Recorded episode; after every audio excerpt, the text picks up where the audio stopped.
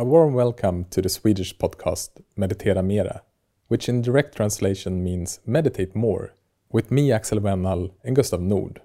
This is a podcast made by the Swedish meditation app Mindfully, and we are very happy to introduce our fifth international guest today, Loch Kelly. We're currently sitting at Gustav's place in Stockholm, and we're just about to call Loch, who's six hours away in New York. Loch Kelly is the author of the award winning book The Way of Effortless Mindfulness. Loch is a licensed psychotherapist and recognized leader in the field of meditation and awakening. He's also the founder of the nonprofit Open Hearted Awareness Institute and has worked in community mental health, established homeless shelters, and counseled family members of 9 11. Loch is dedicated to reducing suffering and supporting people to live from open hearted awareness. He teaches the advanced yet simple non dual pointers and direct methods of effortless mindfulness, informed by psychology and social justice. And effortless mindfulness is exactly what we will discuss and explore with Loch today. What is the difference between effortless and deliberate mindfulness? How can we shift awareness from our heads to our hearts? And what advice do Loch have for all of us who want to meditate more and discover who we really are? Uh, looks good. Okay. Amazing. So the that- technical that's the hard. That's the hard part. Wow. 21st century. Yes. Amazing. Yeah. Hi, Loch. I'm really glad that we can could connect today, and um, I'm really happy to introduce you to our listeners and to my fellow Swedes. And as they will hear today, you are one of the clearest voices on non-dual awareness and effortless mindfulness, which we will discuss today. And I also had have had the good fortune to read your book, Effort- Effortless Mindfulness, and uh, it's just such a good book in explaining what could be a quite a, a difficult topic for the mi- mind to understand, and especially how you point it out. So I'm excited to to explore this topic today with you. But uh, first of all, how how are you right now? Thank you, Axel. So nice to be with you, uh, and uh, with all those in Sweden and Swedes around the world. I'm, uh, you know, so glad to be here. So I'm well, and uh, here in New York City. Hmm. It's a great time. People are sheltering in place a lot, so um, it both is challenging to people, but I think it also um, has given opportunity for many people to go deeper and to kind of deal with some of the underlying stress and anxiety and root of some suffering by using uh, effortless mindfulness and other forms of uh, really growth as well as um, as well as just stress management. Yeah, it, it is this kind of involuntary retreat, right? Right now. That's yeah. right. Yeah, That's a good way. Good way Yeah. of saying it. Yeah. yeah. But let's just start first. I'm curious, where were you in your life where when you discovered meditation? Yes. So, um, I mean, I started early. I had a friend who, um, whose brother went to do a TM class. Hmm. So I was 15, and my friend's brother was 18, and and said, "Well, you guys can come along if you want." And so I actually went at that time, and uh, and was introduced, and had a kind of a a profound experience um, in that initial uh, TM experience. And then as I practiced it, it seemed to be more of a stress management technique for me, but it, it opened the door to showing me uh, not just a mental kind of consciousness or a physical, trying to change my physical life or my emotional life or my mental life, but to use consciousness or meditation as a way to get to the underlying foundation of all of those. Hmm. And, and where and where did you go after that? From your, I mean, 15 years is pretty young. Yes. And how how how how, how was your uh, your path to become a teacher?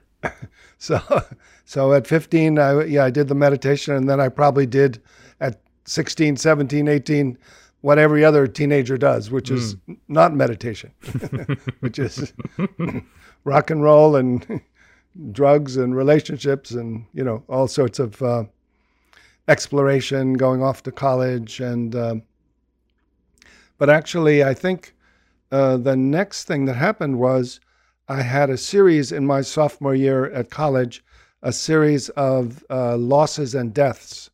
My one of my best friends, I played ice hockey, uh, which might interest some Swedes as well. Um, and I had a best friend on the hockey team.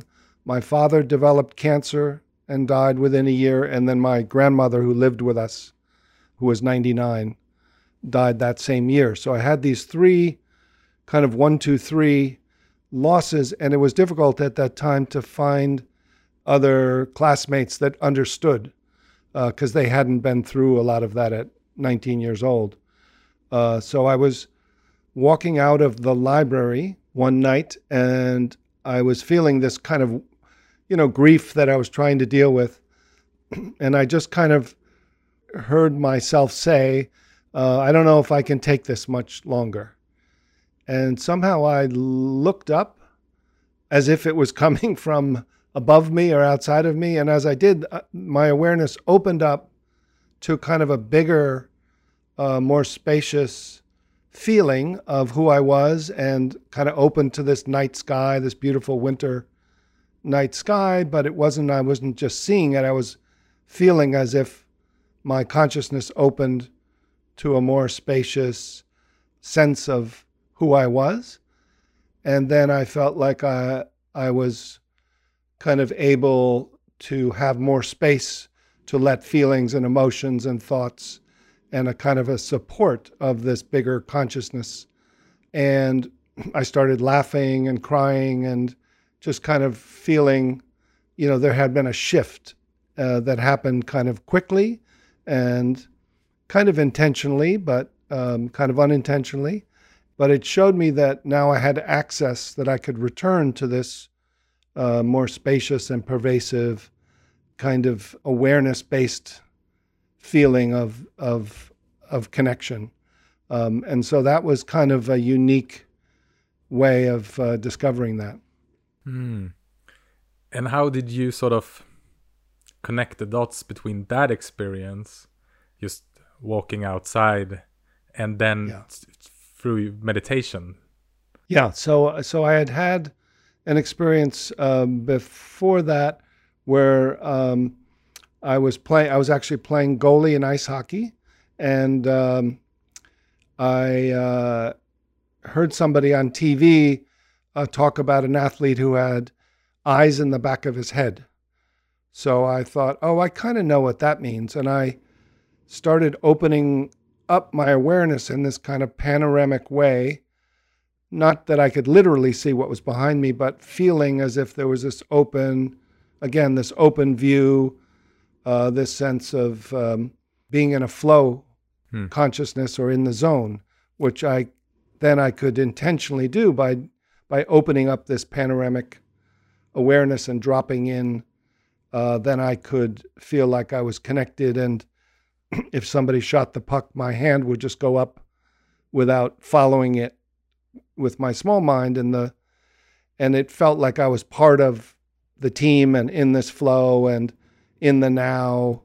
And I was explaining it to one of my friends who kind of like didn't quite understand what I was saying but another uh, senior on the team gave me said here kid read this. He came in the next practice and it was Zen and the Art of Archery so it was a little book that was one of the first books that kind of started to explain meditation. I think it was written in the 50s.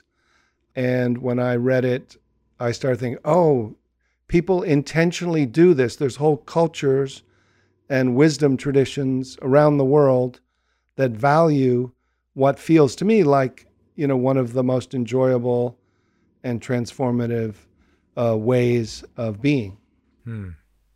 and and from from being a hockey goalie uh, stopping the pucks where did you go from there like starting to meditate and uh, explore with different teachers Yeah. So then I then I would you know studied a little bit in school after having those experiences in college, and then uh, went to graduate school, and there I went on a fellowship to Sri Lanka, India, and Nepal. So in my 20s, I went to a university in Sri Lanka and then a meditation center, and then to studying in uh, with these longer retreats. So I would I did these vipassana or insight meditation, Theravada style uh, meditation retreats from five day retreat, ten day, couple ten day retreats, and two 21 day retreats. Going on these retreats was really enjoyable and beneficial.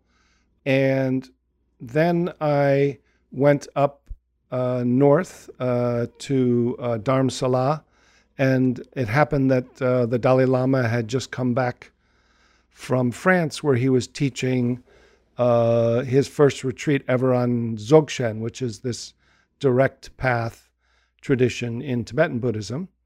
Um, and he was all excited and giving us, a group of us, a talk.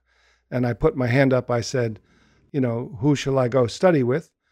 And he mentioned this one teacher, uh, Tulku Urgyen Rinpoche in Nepal. And so I changed all my plans, went off to Nepal, and um, went up the mountain part way to this small little hut where there's only a few students.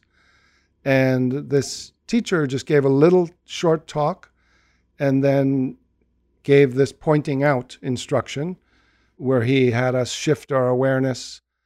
And when he did this, within a minute, I felt the same way I did at the end of a 10 day or a 21 day retreat, except my eyes were open and I was filled with not only calm, but kind of joy and connection. And it was just astounding that the premise of the teaching here was that the awakening that we're seeking is already here within us.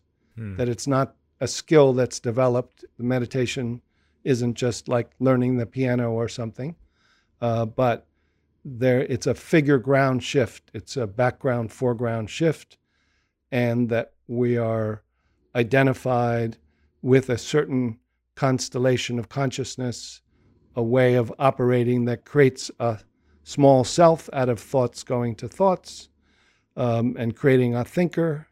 And then if we just can uh, relax back, it's not just the absence of that small self, but there's a presence of an awake consciousness that includes our thinking, that is an awake nature that has the greater capacity to be with our emotions and be more creative and loving.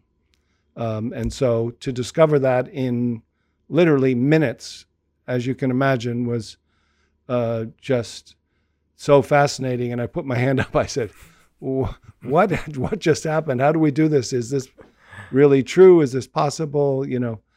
And so that that led me right there. That was kind of the turning point for me to say, "Okay, whatever this is, I'm gonna see whether is this my imagination? Is this some state, short term state, or peak experience, or is this literally what they're saying? Is there a, a new shift of identity and level of mind that I could live from, and that if it's this simple and it's so available, could we all, as human beings, learn to shift or grow into this next stage of human development?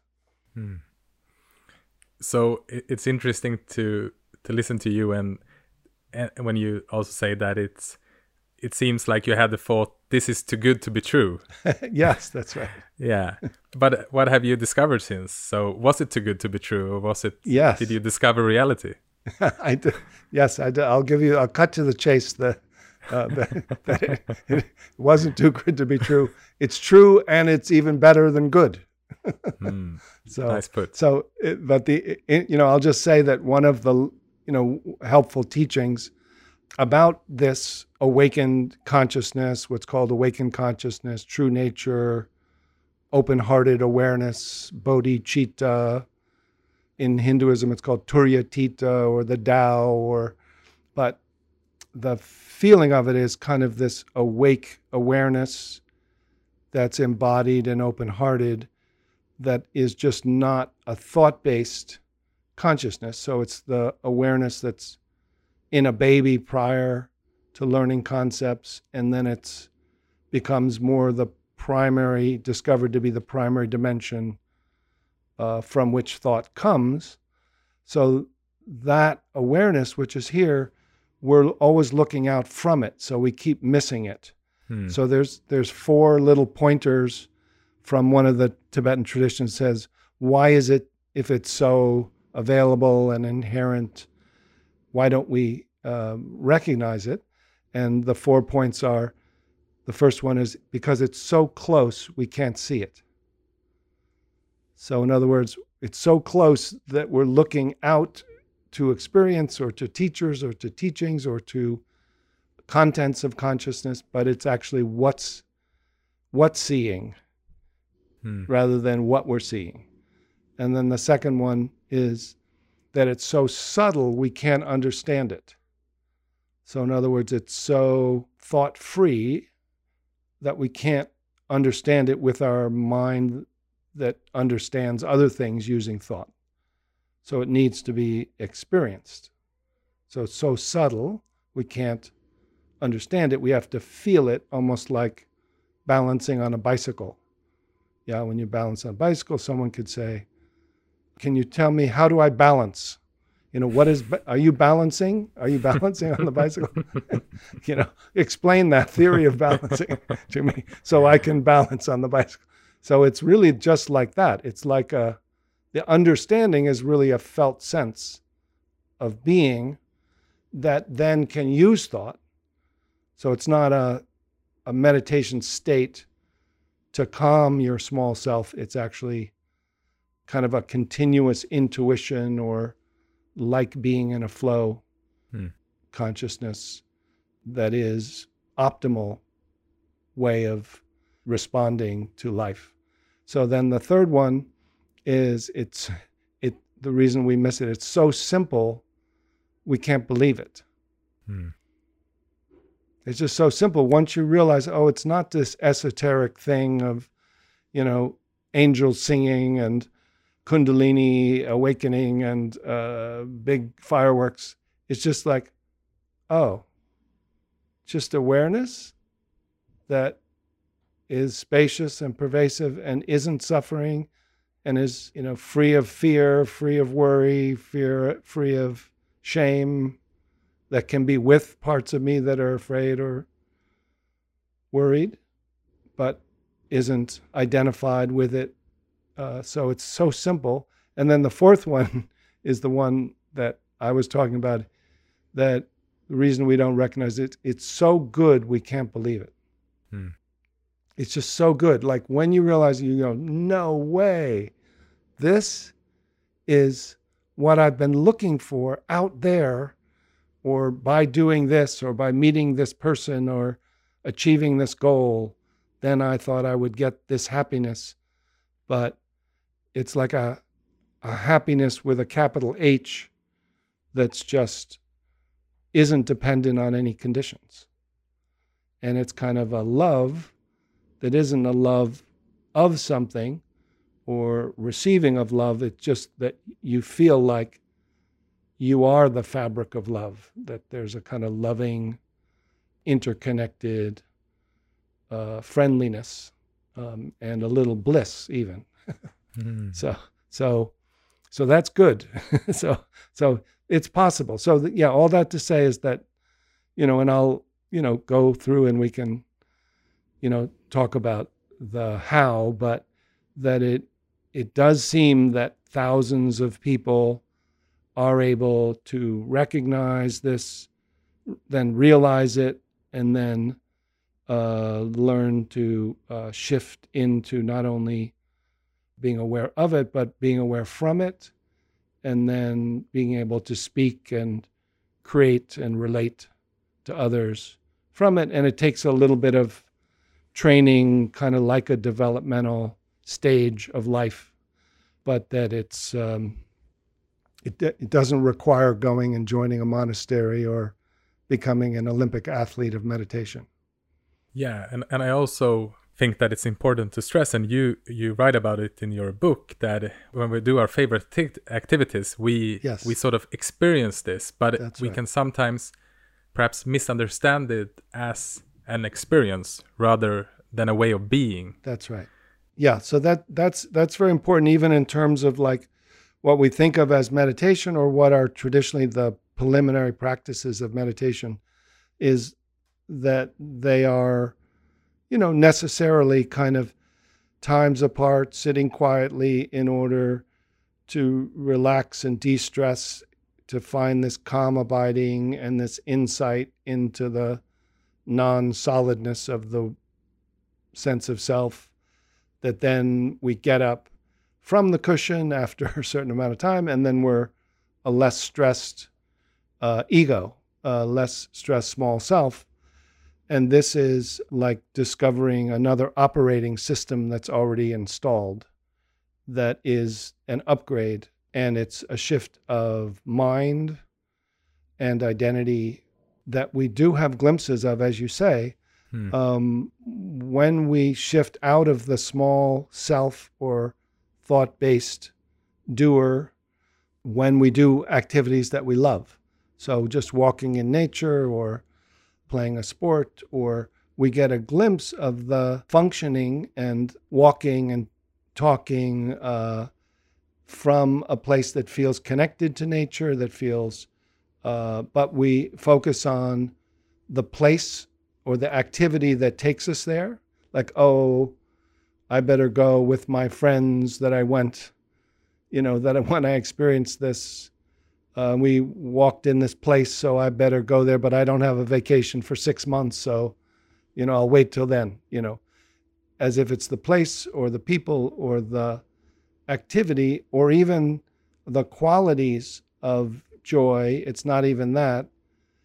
So the simplicity of this is is finding that which doesn't come and go that's awake that's not thought based that is alert and embodied and isn't about the contents of con- consciousness it's more about the context or the space within the atoms and the movement uh, or the depth of the ocean um, that includes the the movement of the waves.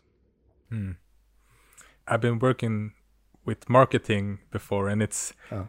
it's this fantastic ad for meditation that sort of your life's best moments. They Yeah. all consist of like Yes. you you operating from this new operating system, this system. That's right. But and also what you said before that it's, I think one of the the greatest insights into this is sort of like what's easily happen when we meditate is that we try to achieve a certain meditative meditative state. We Yes.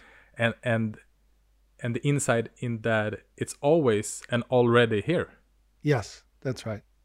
And that can sort of also help to as you say usually say unhook from from thoughts or Yeah. to experience this uh, awake awareness easier to sort of see that oh, wait a minute i don't have to i don't have to actually follow my breath for Mm. for one week in a meditation hut Mm-hmm. or it's it's already here Yes. That's right. And the preliminary practices are meant to be preliminary. They're meant yeah you know, in this, you know, one of the reasons that I call it effortless mindfulness is that this teacher that who wrote, you know, a couple books, Tulku Urgyen Rinpoche said, oh, there's two types of mindfulness, deliberate mindfulness and effortless mindfulness. You start with deliberate mindfulness, but only do it as much as you need to just calm and soothe your mind and body, and then shift to this already awake consciousness that is calm by itself and already alert and awake. So it's about kind of shifting, you know, calming as much as you need, but then not continuing to do those preliminary practices as if they will lead you any further than they're supposed to. They're they're supposed to be a kind of initial practice in some traditions. And so you get this feeling like, okay, if it's already here and it's a way, there's an aw- effortless awareness, what is it that can shift into it? What is it that can know it? And that becomes one of the main obstacles is that thinking can't find it, the will can't do it, even the mindful witness can't see it. Hmm. So it literally is this feeling that awareness has to know itself. And so that feeling of what that's like and how how to find the awareness that's already here becomes this like riding a bicycle it just becomes this you know you try different ways of doing that and these different doors but then you learn how to let go. But then the key is it's the awareness that's letting go it's not the one who's trying. And then the awareness can't just stop at no self or not knowing the awareness lets go into that which is already aware and then you're aware from there so we could do a little glimpse practice here if you like to because it kind of follows exactly what i'm saying if you like Yeah, that would be great because Okay. we're really coming into the how now. Uh, so Yes. uh, I I think it's it's best if you would uh, sort of guide us through. Yes. So, um, you know, again, it's uh, you know the everyone takes a you know different amount of time to kind of get a hold of this or to let go of the holding of this, and there's different doorways. So this will be one doorway, can work for some people, maybe not for others. That's fine. Um, what I find is that you know if I try uh, seven different things, even in like a two-hour teaching, uh, you know, people won't get three or four of them, but then all of a sudden it's like, no, no, oh, oh, whoa, wow, you know.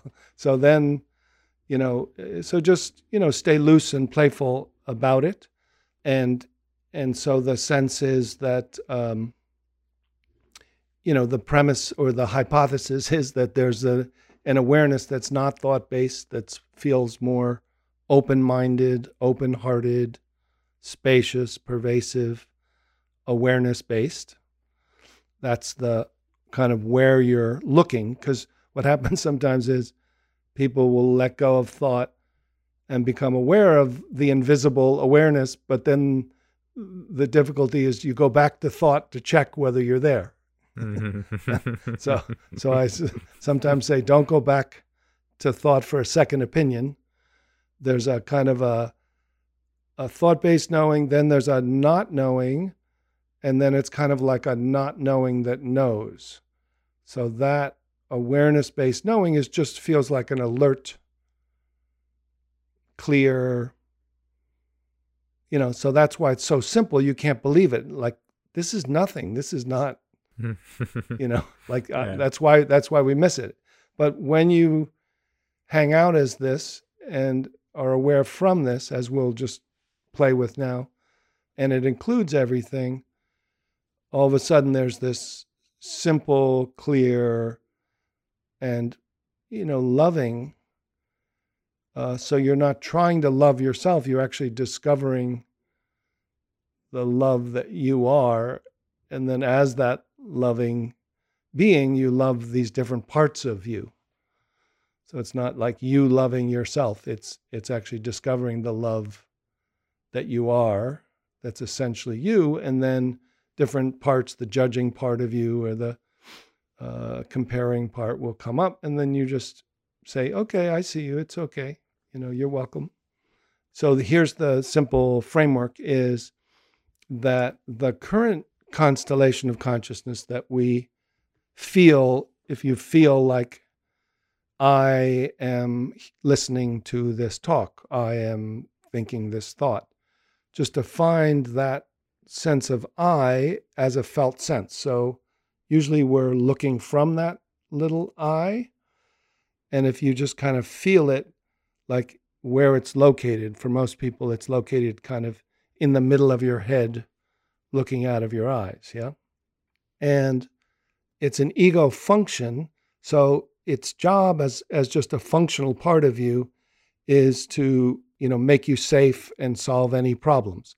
So what's going on outside? Is there any problem? What's going on inside? Is there any problem? So it becomes this problem solving constellation, which keeps it uh, reinforcing this small contracted feeling of I. Yeah. So we're just going to do these simple shifts of uh, inquiry. We're going to use an inquiry method here uh, and just see what you feel. So the first inquiry is simply you don't have to do anything special. You can just be as you are, eyes open or closed, and just be curious what's here now when there's no problem to solve. So just understanding with your mind the question and then letting the problem solver relax and let your awareness feel or sense what's here now, what's aware just now when there's no problem to solve.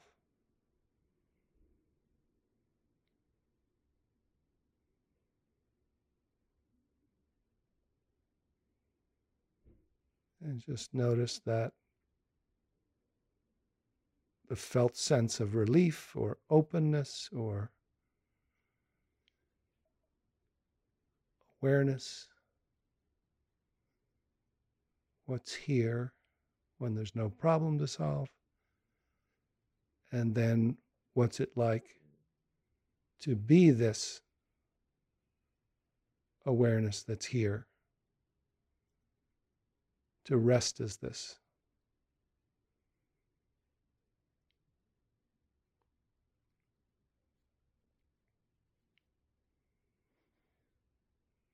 And then, as this awareness that's here, what's it like to be aware from here?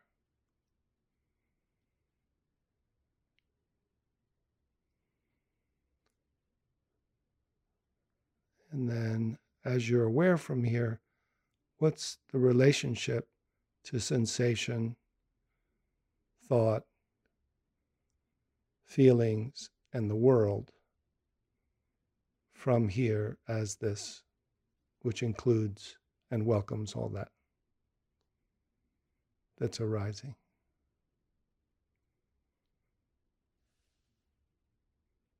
Just notice whether there's a boundary to who you are, and yet feel the quality of being here.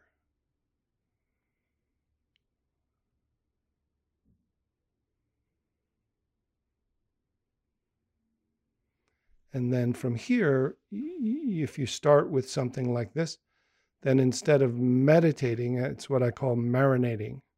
So you can just spend five minutes, 10 minutes, 15 minutes uh, saturating or marinating from this awareness based knowing, this awake awareness, to this embodied awareness that is the inseparable pair of awareness and aliveness, and then feel this interconnection, which has a quality of okayness and friendliness and maybe some sense of love or non fear, non worry, unity.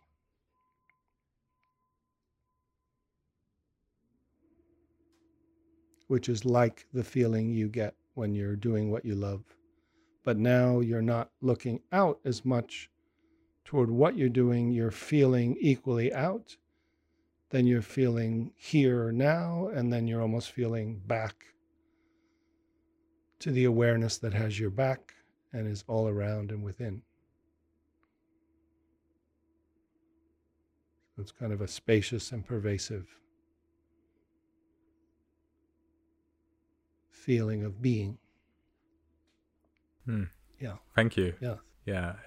Personally, I I love that question. Yeah. What's here if there's no problem to solve? It's it, it works for me every time, and um, it's sort of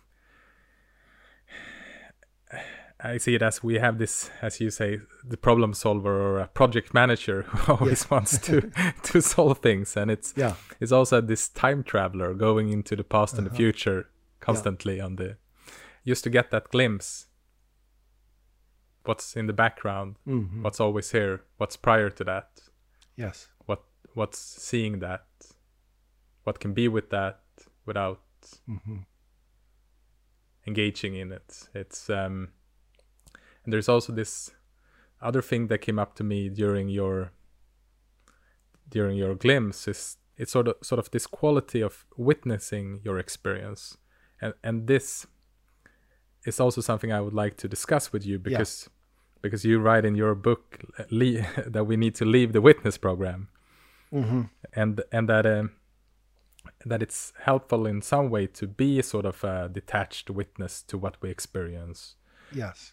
because it can sort of help us not to be stuck with the content of consciousness and Yes. with with our experience but also that it's easy that it becomes an identity that we are Mhm. sort of the witness and and that also the the relationship between what we experience yeah it, it feels that it's apart from us rather than it's here and awake so how how do you sort of guide Yeah. people to leave the witness program Yeah, beautiful. Yeah, the witness. The I don't know if you have that, but in the United States, you know, if somebody is is in danger, they they they're taken by the authorities to, into a witness protection program.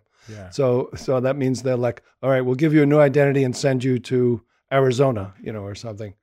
So there's um, if we if we follow this as kind of a progressive path, which you know many people start with kind of mindfulness or insight meditation or Zen or other step by step. You watch your breath or one pointed attention, and when you do that, you're actually you're actually calming and focusing from your small ego center. You're actually focusing from that um, manager Hmm. uh, on a breath, and you're calming the manager. Then the next step is you step above or back or out um, to look at the manager, and you start to realize, oh, that manager's that's looking at my thoughts. If I look at it from a mindful witness point of view, it's actually just thoughts, feelings, and sensations. There's no solid self there. There's no manager. There's just, I am focusing on my thoughts. And the I, I am th- focusing on my thoughts is a thought that's coming and going. Mhm. And it's being witnessed by this uh, mindful witness or this meditator. So that usually is a point of view. Then you can open up, or uh, rather than pull the ca- you can pull the camera back to a bigger choiceless awareness point of view, or what's called big sky mind, and then you have a bigger mindful witness. But now you're actually you know you're looking at the content, so you're free of the personal suffering, but you're also impersonal in that you're not embodied, you're not emotional, and you're not feeling the full intimate human experience. Hmm. So then there's another shift where you actually, instead of pulling the witness back, you actually look back through the witness. We'll say, who's behind the camera? And that opens you to this pure awareness, which a lot of non dual teachers talk about. So now you're in this field of pure awareness, which still is the subtlest dimension of consciousness. It now can be both outside and within. That's aware, but it's still as if many of the non dual teachers will describe it as so then the awareness is like a movie screen and everything that's happening is like a movie. So there's still two things going on. Hmm. So this move that is the pointer from one of these traditions, this Dzogchen Mahamudra tradition is, is the awareness is what's arising as vibration, sensation, feeling, and thought. Is it separate coming going, or is it more like ocean and wave? Is it more that actually the vibration, the energy, the sensation is not two, is arising as aliveness. So there's an inseparable pair of awareness and aliveness, or uh, what's called same taste. So the awareness and the aliveness, the movement, sensation, vibration, pleasant, unpleasant, it has the same taste. And uh, so there's an interconnection, interdependence, which is actually what emptiness means that there's no separate thing, everything's interconnected. Hmm. So you start to feel this embodied, so you kind of drop into this uh, feeling of being connected to everything while not being identified and while not creating the need for a small manager to manage it. And then that feeling of relating even to the world, there's like a connection to everything uh, from this field of awareness, but it's got an intimacy and uh, embodiment, and you're feeling your body from within as well as all around. So you feel an emotion arising, and it's kind of liberated by the awareness that doesn't have to form a manager or something to repress it, but it's not just detached and depersonalized. There's almost a more you know, embracing intimate, full human experience, but awake human experience. Yeah, because that's um, I, I can see that definitely in myself and and many others that getting to know these kind of techniques or methods or, the, or inquiries can sort of in one way help you to sort of at least in the beginning it was in my case that uh, it could sort of help you to bypass certain emotions that oh because when we started to talk about life's best moments you will always yes. be in this kind of open spacious uh, loving uh, kind of uh, being yeah. but my experience is that to be a human being is feeling all kind of mm-hmm. emotions the whole vast ex- human experience and yes. it's not being free from them it's being free to feel them all. exactly and and it can sort yeah. of it can sort of be easy to to understand that well an emotion is coming and it's going it's like a weather and and that kind mm-hmm. of and you can intellectualize that understanding. That's right. But you don't really you're not really being with it. That's right. So yeah so beautifully said. Yeah and i think that's a lot of the experience and it's what i talk to a lot because many people do stop at either the first mindful witness or the pure awareness detached witness, or they have a a map or a that says the goal is to go beyond all emotion or just to have positive emotion. Hmm. But in this, um, you know, continued kind of movement of untying the knots, you untie the knot of the witness, and then you've moved from being too attached to a small self to being too detached from a mindful witness, but it's a positive preliminary practice. It's a positive step to get that mindful view and detached. But then you find finding this awareness based knowing that's already awake and essentially who you've always been. That, and when you feel that that's arising as your emotions your thoughts, pleasant and unpleasant, then there's this capacity that can't be hurt by strong emotions, even trauma. I work, you know, I'm as a therapist, I work with people who have, you know, severe complex trauma.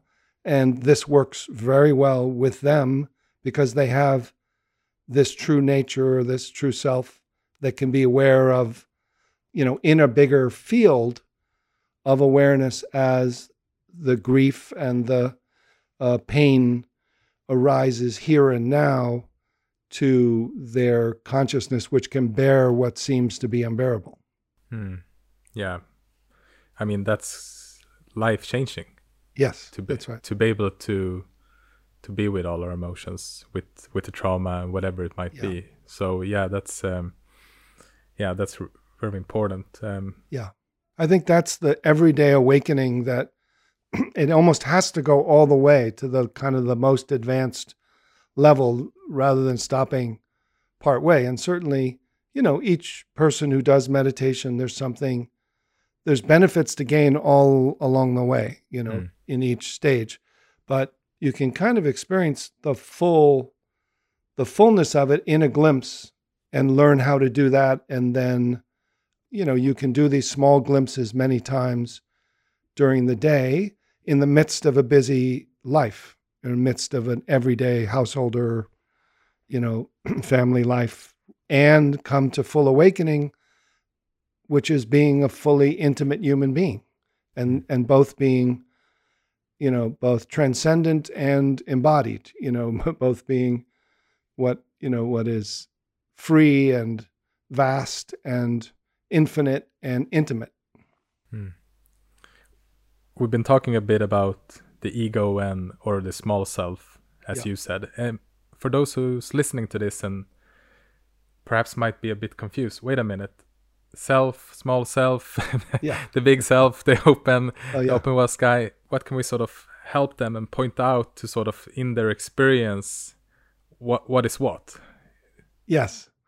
You know, this is one one little map. It's is to feel that that that constellation of consciousness, which uh, thought going to thought, that creates a thinker, and that we feel I think, therefore I am. Uh, that feeling that is looking out of your eyes is trying to organize and manage is actually an ego function that becomes an ego identity. So it's what develops in a child who is a baby, and then they develop uh, kind of conceptual thinking, they develop memory, and then at about one and a half to three years old, they develop interestingly what's called self awareness, which is the ability to like see themselves in a mirror and and if you put a little you know mark on their nose a color they'll look in the mirror at you know six months old they won't know that's them.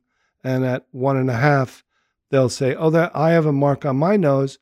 And then we internalize oh you shouldn't do this or i shouldn't touch that hot stove or what don't do that and that kind of secondary self-referencing part of us becomes the manager or the ego and then there seems to be almost like not just one ego but there's a committee of Hmm. managers Yeah. and yeah. so that's that's kind of what I work with is is called this parts based um, or sub personality based psychotherapy that many many psychotherapies uh, recognize. There's not one ego, you know. There's managers, there's parts of us, there's sub personalities.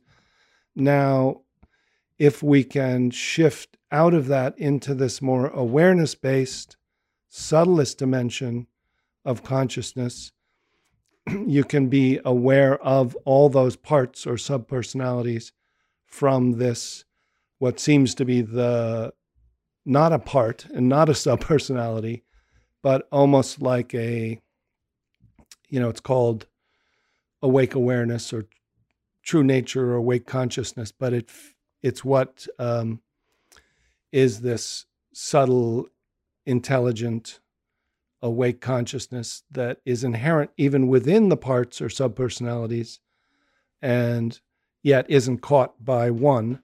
And then you can you know allow and work with different parts of yourself uh, from there Yeah. By by definition, you're not who you think you are. And, Yeah. And also by definition, sort of, you can't be something you experience. that's right So it's Yeah. it's sort of this inquiry into see, okay, well, if this is something I experience, a thought or a Yeah. even even this sense of I do I'm doing this or I'm uh, I'm meditating. If I if I can sort of experience this, I can see it. What's who's experienced it? that's right Yeah. and then and then you'll find though what will happen is you'll develop a witness right away so if you say well okay what am i aware of okay now who's experiencing this you'll usually most people will get to a mindful witness Yeah. like oh that's you know like oh i'm worried about this what what should i do to, tomorrow? Should i do this or i could do this? Oh well who's aware of those two parts that are trying to make that decision? Oh i'm not those two parts. I'm aware of them. But now you're not actually that yet either. If you can then open up and assume, okay, that's a meditative witness. So open up to a more spacious until you find an effortless awareness that's aware of the witnessing part and the part that's trying to make a decision. Now you'll see the feeling is the marker is there's kind of a boundless, timeless, contentless, all pervasive uh, field of awareness that isn't located in one place and yet is is not just outside so it's also kind of the what everything's made of and that feeling you know isn't something we've learned how to do but it's learnable and when you learn how to do it people will find it through different doorways or different shifts or uh, letting go and moving of awareness. But, you know, when you do find out how to return there and not get caught halfway, then you don't have to kind of get rid of the ego or kill the ego or Mm. say, oh, I'm not that self or that self is a, you know, is not the true self. That's the false self. You, you start to realize, oh, that's, that's a part of me that's exhausted because it's been trying to be me. It's like, oh, you poor fellow. You know, you're like, you know, okay, you can relax. Well, don't you think I'm, I should really get things done right now? You know, well, I understand you really have been, have been feeling like that's the most important thing. But what if you just take a breath now and, and just, you know, when I need you, I will call on you because you're very helpful. But would you like to just take a break and just rest or play or do something? And then that part will go like, oh, really? You're not going to fight me? You're not going to, you know, try to battle me? No, I'm, I'm, I'm, I'm I value you. Okay. so it's that kind of uh, relationship that changes the whole psyche. Yeah, and I think that's really important to look into as well because there's in some traditions it's it, it might be the case that sort of yeah as you say kill the ego or Yeah. uh, the ego is a is an illusion see through the illusion of course it's Yes, it's an that's right. illusion in terms of there's not an object but but also what i what what i seen being really helpful is is what you experience or Mm. explored here is that sort of I see that the fir- as the first step is just to allow every part, every subpersonality, Yes. e- every ego part to be there. Yeah. It's it's there to be seen and and and it's okay. But also, as I, I think you write about it in your book, that it, it instead of fighting them, because that's what we do, right, all the time. We're in, it's, we're in conflict uh, with ourselves and our different Yeah. uh, different personalities. Is to sort of see them, just be with them, and in one way also to love them and Yes, give and give them that's right. appreciation. Yeah, that that becomes when you realize that there's no bad parts of you. So even when you really look and you really end up seeing even the ones that are mean parts or rageful parts or hating parts, like they're all trying to be safe or loving. Hmm. They're trying to get the same thing. They just are confused or ignorance, which is really what the issue is. So even the, you know, rageful part or the, you know, I hate that person because they didn't, you know, notice me when, you know, like it's like, well, what is what are you looking for, hateful part? Well, I just want to be noticed. I just want someone to care about me and like realize that I'm here. Okay, well, and then that defense or that protective mechanism of survival, which has been taken over by the personality, can relax, and the part doesn't have to be, you know, you know, like destroyed or you don't have to be no self. So there's some people in the kind of moving through this uh, unfolding of awakening. Uh, I'm the small self. Oh, now I'm no self. And then you're like, okay, would you, uh, what kind of tea would you like? All tea is the same. You know, so it's like, well,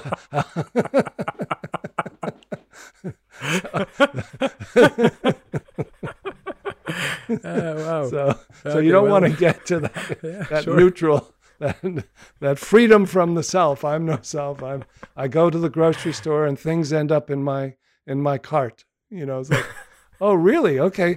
Well, do they seem to be like all cat food or something, and you don't have a cat, or you know, are they? Do they tend to be like things you chen- tend to like? You know, like. Yeah. But but literally, I've I've you know done kind of consultations with people who are stuck in couch potato mode or no self mode, or usually they'll come and they'll say, "I feel like I've had this awakening.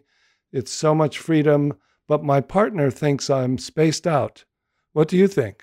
And I say, I agree with your partner. yeah. Oh, that's great.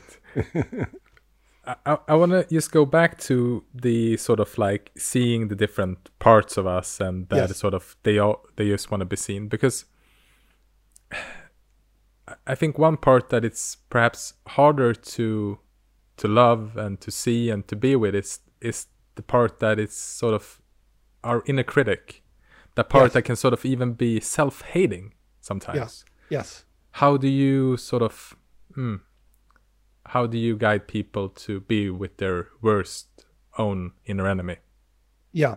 Yeah. So we could even um transition. I'll, I'll describe it and then we could even do it as kind of a final meditation if you want. But so the, the sense is that in, in some of these systems, there's what are called, um, you know, parts of us. So the inner critic and the manager, even the like smart manager who's like, just like, I'm just here to try to listen to this podcast to learn about how to be awake and you know really you know grow so that you know normal awake manager the inner critic the spiritual ego they're all they're all kind of uh, rotating through the seat of the small self Hmm. and they're all parts and they're all trying to help.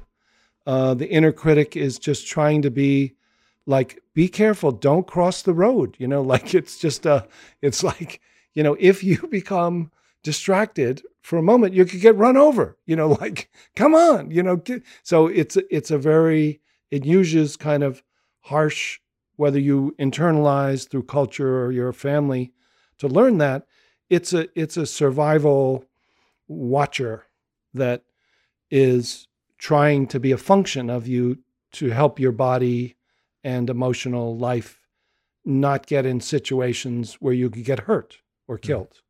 Yeah. So just recognizing those directly that they're really there and they pattern their it's not just thoughts, stories, feelings, sensations. They thoughts and learned experience and bodily they pattern into these constellations or parts or subpersonalities and that's often what gets triggered as you walk around during the day. It's not just a thought or a story. Like, oh, there's a ju- judging thought. You know, it's like, no, it's a judge. It's like, you know, what's wrong with me comes up, not like the thought of what's wrong with me. So being willing to feel that level of reality of of these parts and then realizing they're all trying to help Hmm. they all there's no bad parts they can be appreciated now let's go to the fullest most awake consciousness that can be with them listen to them appreciate them love them and as they arise doesn't have to identify with them or oppose them Hmm. So that's that's the difference and that takes that's what takes a little time because they're very quick and they sneak up and they're about survival. So they're, you know, they're strong. And eventually, when you're in, but this is the advantage of, of what's called flow consciousness because we have reference for people who are doing, you know, who are not only athletes and musicians playing in orchestras, but people in um, survival mode in a hospital or in an emergency or in you know war time.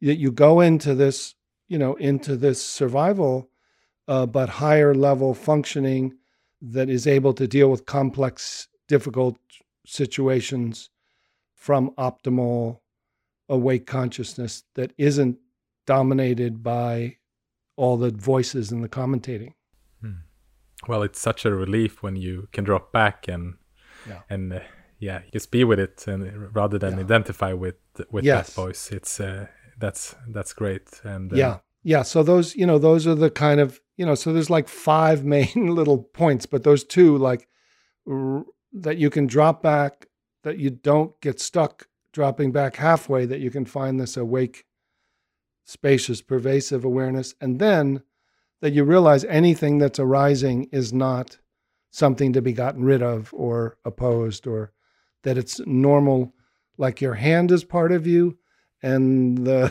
critical part of you is part of you just like your hand. It's part of your psyche your your digestive system is part of you your and that critical part is can be unburdened from its role as the center or that it's confused about what's physically unsafe and what's emotionally unsafe and what's need how harsh it needs to be. Hmm. so it just kind of relaxes a little bit. It's still like you better you better watch out that car you know when you're you know you better watch out when you cross the street. You know it still may come up like yeah, you know and it may be like oh that person's yelling at you. Uh you know like maybe you just better say let's talk later you know? You know? You yeah, so i don't think they're going to be able to survive. They're they're not going to i don't know if you can talk to them in a way. So take a breath and and th- thanks for your help. And now let's see what should i say? Okay from awake open-hearted awareness. Okay can we talk about this later? Okay so why don't we you know you know or whatever the in the moment there's nothing wrong with their opinion No, and and also sort of we, we discussed it before that I had one of one of my many sub personalities coming up just a few days ago, and I sort. Yeah. of looked at it and I sort of like, hmm, it doesn't make sense. This kind of voice in my head, and I Yeah. tried to sort of intellectual understand it. Well, it really doesn't make sense. But then I sort of sat down with it, and I felt it, and I understood. Okay, well, of course it didn't make sense because this was not uh, an intellectual kind of sub Mm-hmm. sub personality. It, it was an emotional sub personality who needed to be felt. It's it was literally like feeling as like a, a fragment Mm-hmm. of me as a child. yes It's like ah okay, it just needed to be seen, be felt, Yeah. experienced, Mm-hmm. and in that it was this kind of trust. Yeah. and it was all okay. Everything was okay. Yes beautiful Yeah. Yeah, yeah. So that's it. So that willingness, you know, that ability to not deny something or meditate it away, you know, as if, oh, that's just a thought or a feeling. So, um, oh, that's one of the, you know, the negative emotions. So we'll just go to the positive ones or something. It's like, uh, okay, that's one way. And that's, you know, transitionally, they talk about um, in Buddhism, the first you know, is renunciation. So you just renounce, you join a monastery. It's like, okay, it's too tough. Let's get rid, let's just not have family, sex, uh, money, work, you know, let's get rid of all those and just renounce them and then try to find. And then the second is transformation. So then you try to transform negative emotions into positive. And then the third is this direct realization that you're already okay just the way you are, Hmm. and that whatever's arising is just part of what is. It's not negative or positive. It's just what is, and you can be curious and aware of it, and it will transform and liberate um, what needs to be. What's the extra burden of it will will relax, and uh, but the main thing is that when you're aware from this open-hearted awareness, this bodhicitta or this true nature, awake consciousness, it's it's a real felt sense of love and that's unconditional love. It's not even compassion. It has no conditions. It just sees everything as it is. It goes, okay, yeah, all right, let me try to understand. Hmm. And and that's not a human quality that you're trying to develop, like trying to develop loving kindness. It it's discovered when you shift into the awake consciousness, these natural positive qualities arise. Yeah. So it leads me to this kind of feeling that many of us have that sort of of this getting it or losing Mhm. it. Yeah. So how how sort of how how can we get past the even like oh now I have it now I don't now I have it Yeah. this Yes. kind of going forward and back. Yeah, yeah. So, I mean, it's it's the key is that it's it's already both and. so, so that's the first that the awakeness you're seeking is already here, and the second part is, and it includes your confusion, your ignorance, and your feeling that you're not getting it. Mm. That ultimately you are it already, and there's nothing to get. And relative, the relative part is currently predominant or it's it's currently uh, closing off your consciousness so there is some unfolding in time that is about shifting to the primacy of what's already here and that can include the relative uh, parts that still doubt and think you're not getting it or judging or judging even while in the background you realize okay well it's all it's all just unfolding it's all a dance so that's the kind of that's the paradoxical answer Hmm. that it isn't one or the other in some ways but there is there is a so awakening in some ways is a relative level shift because ultimately you're already awake everyone's awake Hmm. but relatively the relative parts keep closing off or covering over so we feel like we're living in a cloud and we stay in the cloud to be safe and then there is some uh, the awake consciousness actually is what can awaken to itself. So the awake consciousness that's within the cloud can open into the sky and realize oh i'm also the sky. Wow i'm not just the cloud. And then the awake consciousness realize oh and i'm also in the cloud and the cloud is made of the whole sky and the universe and the elements. So that whether i'm in the cloud or out of the cloud it's all a kind of dance or unfolding so yeah so it's that first initial dualistic feeling that i'm in this contracted state oh i'm in this meditation state. But then once you realize oh it's not about a state Hmm. it's it's about you know tuning into what is from a certain view. They talk about you know what's your view or where are you aware from is what i often say where are you aware from? So everything's included but where are you aware from? Are you aware from the small self? Are you aware from a mindful witness? Are you aware from big sky witness? Or are you aware from this spacious pervasive welcoming interbeing is what Thich Nhat Hanh calls it. I like that.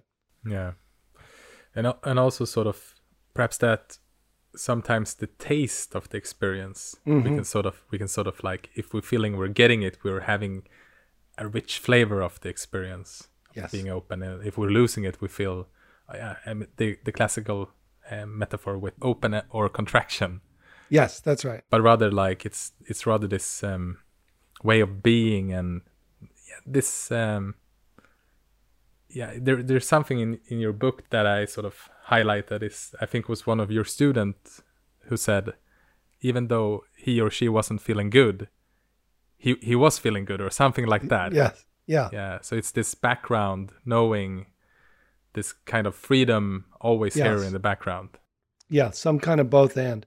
Yeah. I mean, initially there's some, I know some of the pointers, some of the teachers saying, well, don't focus on contraction, openness. But ultimately it is a view. There are, there's a felt sense of being both open and parts are contracted when you're in a awake consciousness because it is a it has an emptiness and a fullness and an interconnectedness in that view. There's definitely a feeling of being both and. So it you know the first stage is either or. I'm either contracted or Hmm. open. I'm trying to be open. I'm oh uh, contracted is bad. But uh, ultimately it's like okay the view is open end and parts are contracted and I'm in the parts and I'm multidimensionally all around. And that's the that's the un, unknotted view or or feeling or consciousness that is unburdened and awake. It it does have those uh, markers. That's a third thing. So i think that that first one that you know the point is well don't worry about whether you're contracted or open is when people are doing the first and they're still in the view of it's either or. But when you get to both end there's definitely a felt sense that knows it's awake when when that which is awake is awake. Yeah, yeah, definitely. Yeah. We're soon gonna do another glimpse with you and Okay. and, and meditate with you. Uh, well, before that, there's there's one thing that I heard you talk about before that I found very useful for myself, and that's uh, I think you said something like, "Don't take your spiritual temperature of what's arising and what you Yes. experiencing, rather than how do you respond or how you react to what's arising."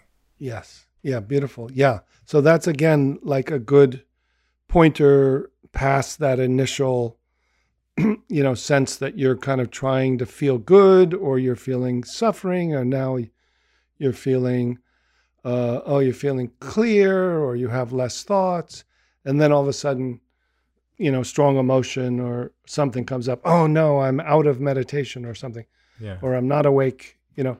So the thing is that going back to that that premise that everything's included, ultimately you're always awake and relatively there's an unfolding Mm. of awakeness. So that since we've been contracted and in a small self and repressed repressing our emotions, there's going to be a process of thawing out or detoxing that what it feels like yeah so as you're more welcoming to all feelings and emotions and your body.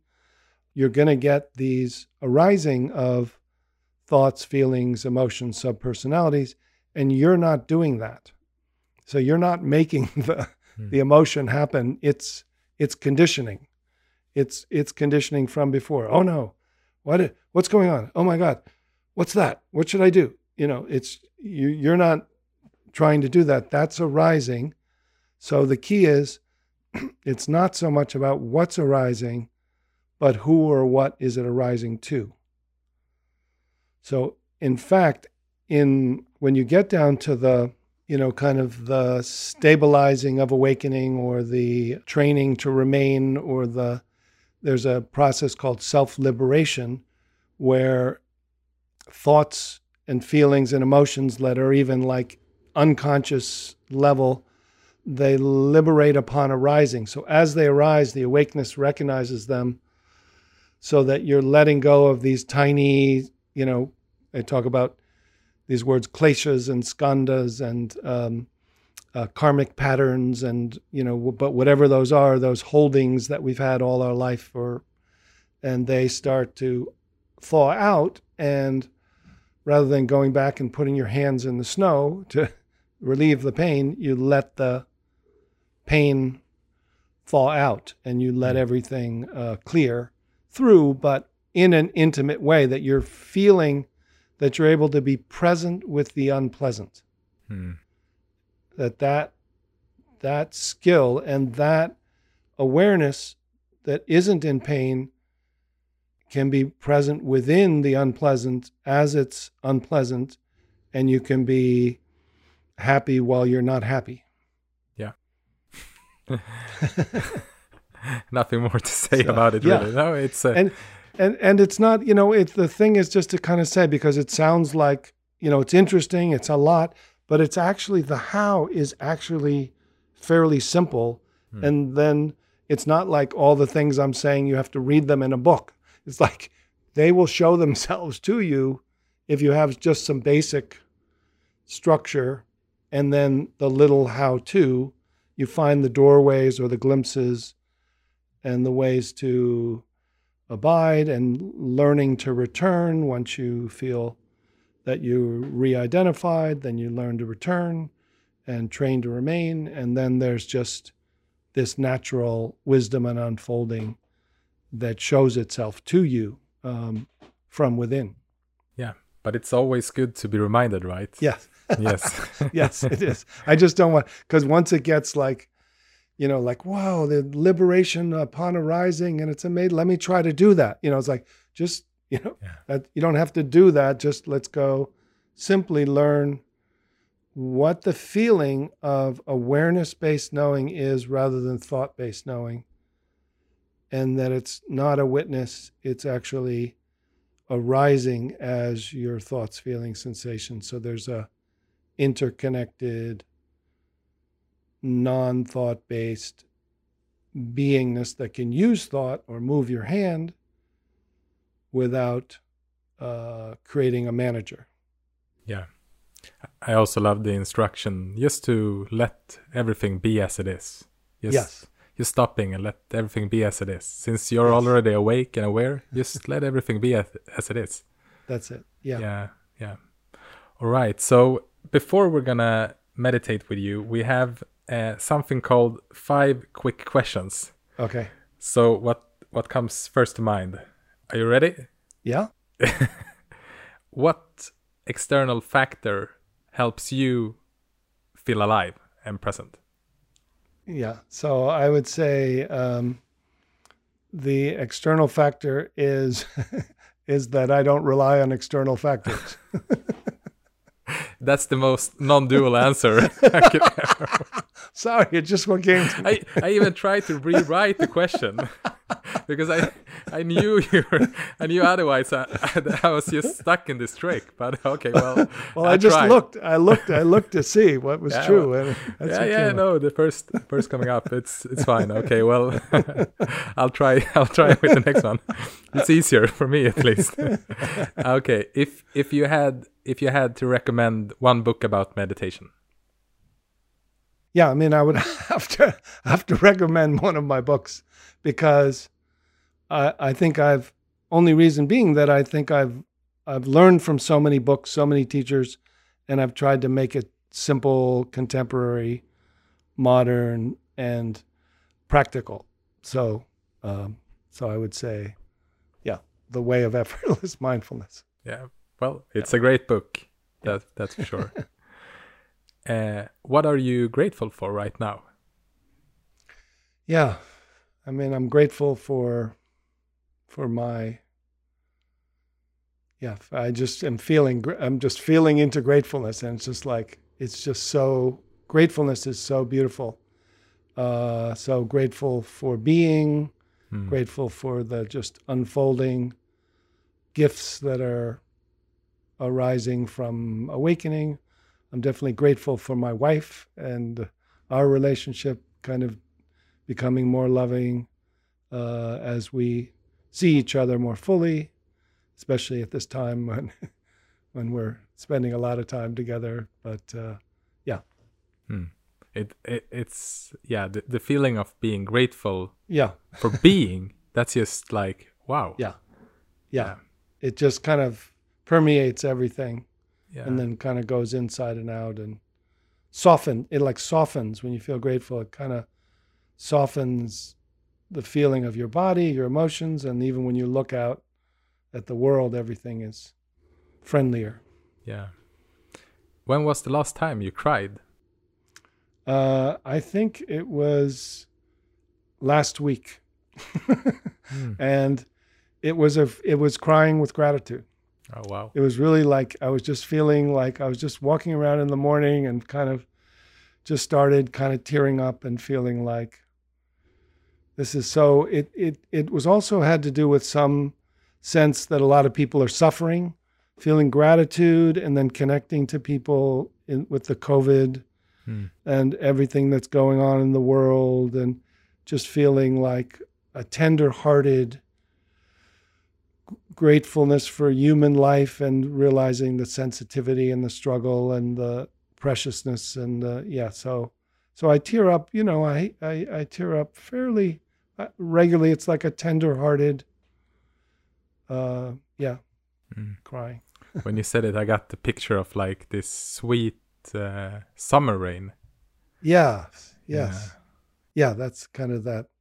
Yeah, it's not a strong grieving, but it's it's that tender-hearted Hmm. connection to the sensitive, you know, sensitive, like the sensitive child in me, and the but the sensitive, like human beings that are like doing the best they can, you know, with these difficult times. Last question: What's the best piece of advice you got? that, that I got, somebody gave me. Yeah. I think it was you just gave it to me. You said uh, just be with it as as it is. amazing, amazing.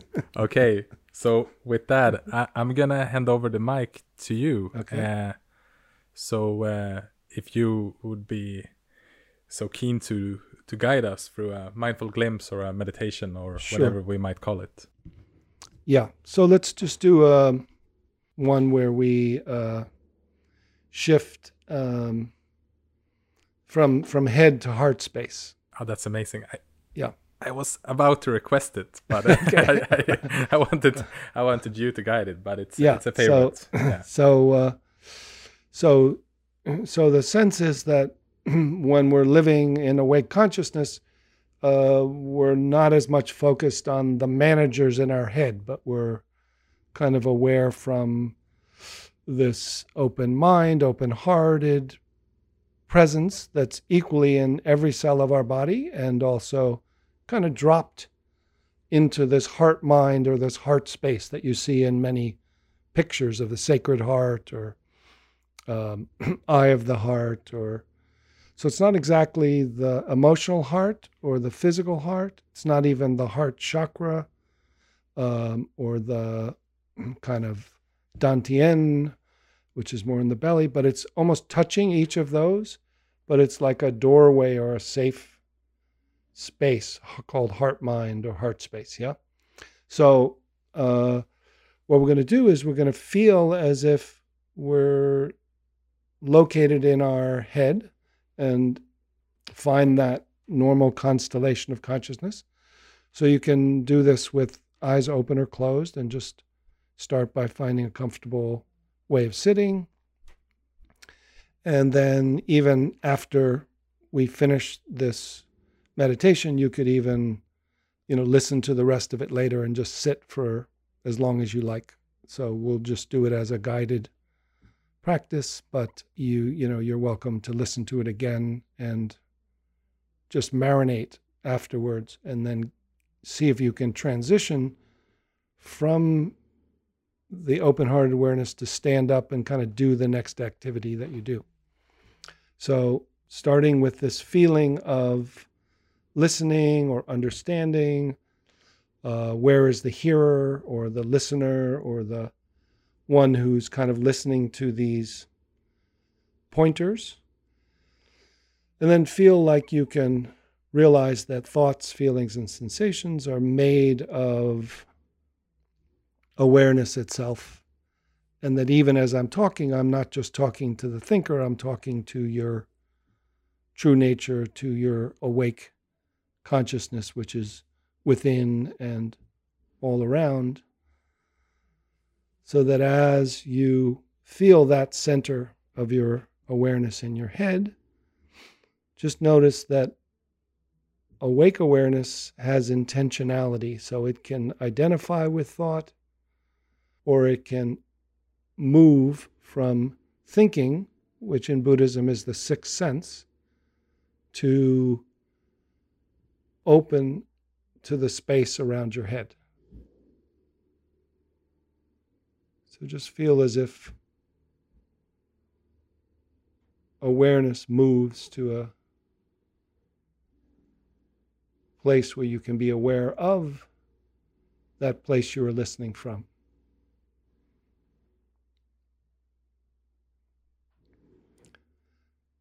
And then feel as if this globe of awareness that is where you're aware from can move from thinking to seeing.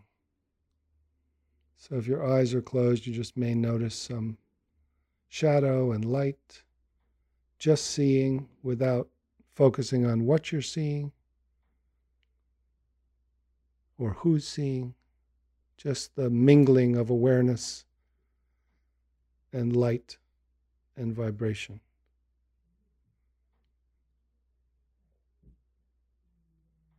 And then feel as if awareness can move itself from seeing, unhook from seeing, and move to hearing. So just notice that feeling.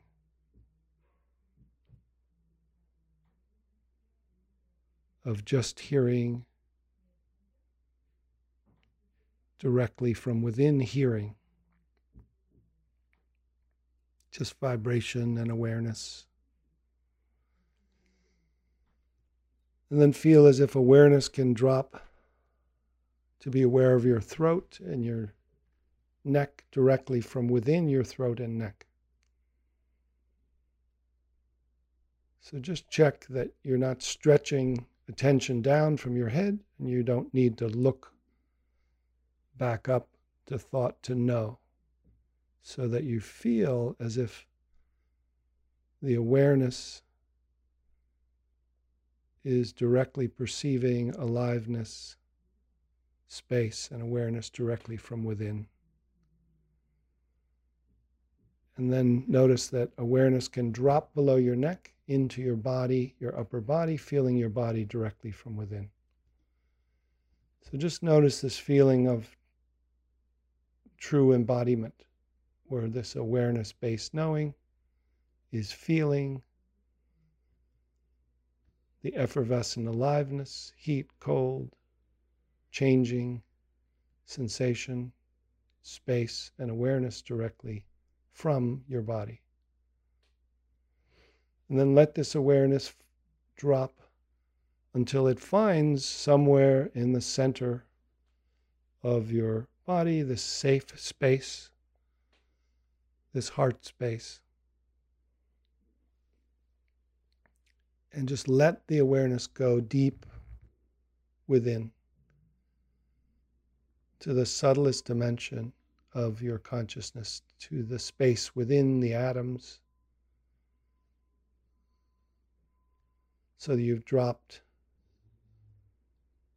and you're aware of your heart space from your heart space. And as you're aware of it, notice that at the subtlest dimension, it goes deep down within and opens up to the sides and even feeling the awareness going behind to notice the awareness that has your back. So letting it go to the subtlest dimension that is, feels like a boundless heart.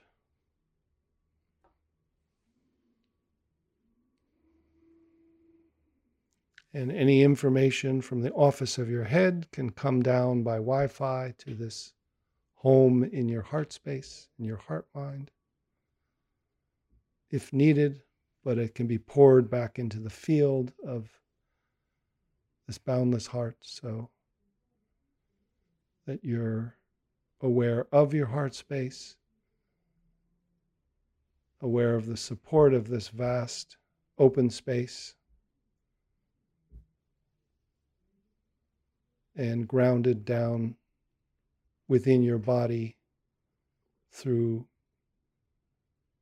your lower body, through your knees, torso, into the earth as well. So just feeling you can rest at home in this heart space, letting all of your senses, equal rights to all senses, let them all be on. And then feel as if, as you feel back to that awareness that has your back, that you discover an uh, effortless awareness that's already awake without your help.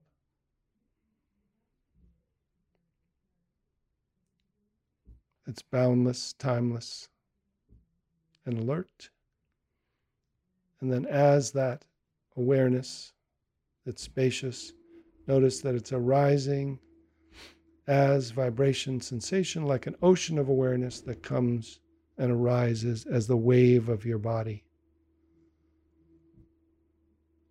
without needing to form a manager, let yourself feel as if you're looking out of the eyes of your heart, as if you're interconnected to everyone and everything in front of you, connected to the support behind you, and here with all the emotions and parts welcoming them within your body.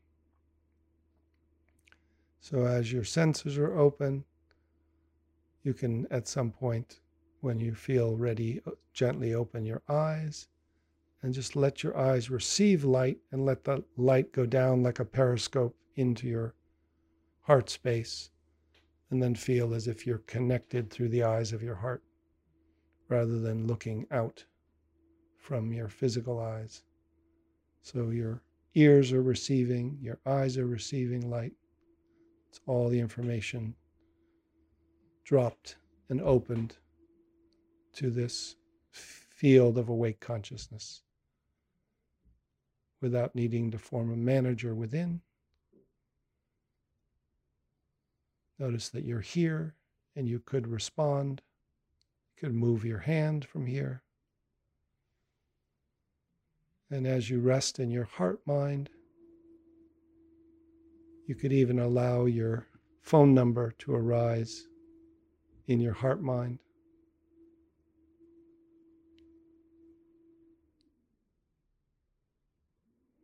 And then let it go without needing to go to thought, but just using memory if needed, using thought if needed, and if not, resting as peace of mind, open hearted presence. That's not just, and just curiously, is this a meditation state? Or could this be the essential feeling of being that you could live from? If you could live from here, would you want to? So, finding that motivation, heart's desire from the true heart to live this awakened life from within, and just noticing where are you aware from.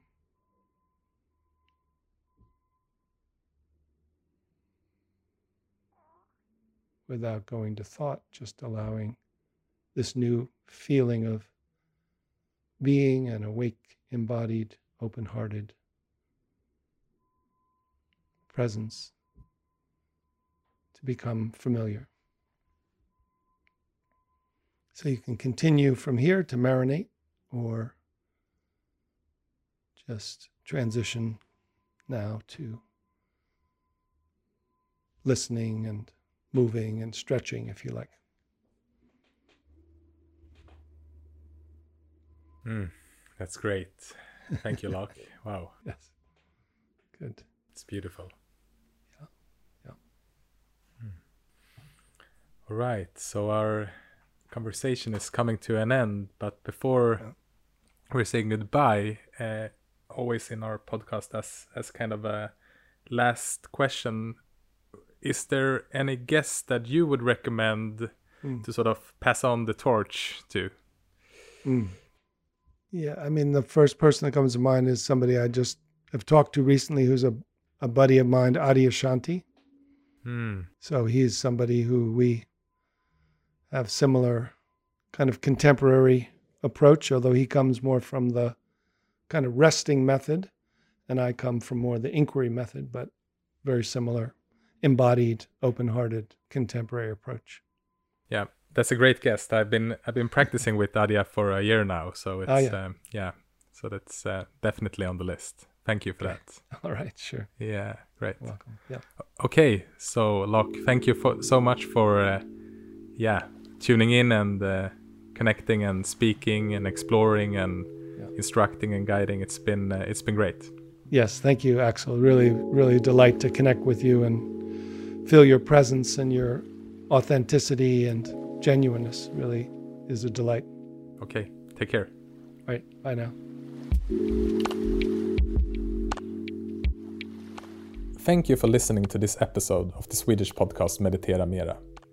We hope you have been inspired by our conversation and by Loch's meditation. This is a podcast from the Swedish meditation app Mindfully. And if you like this episode, please share it to your friends so we can inspire even more people to discover meditation and to discover who they truly are. And if there's something that we will bring with us from our conversation with Loch, is it that mindfulness is always and already here. Sometimes we just need to learn to return. Take care and be well.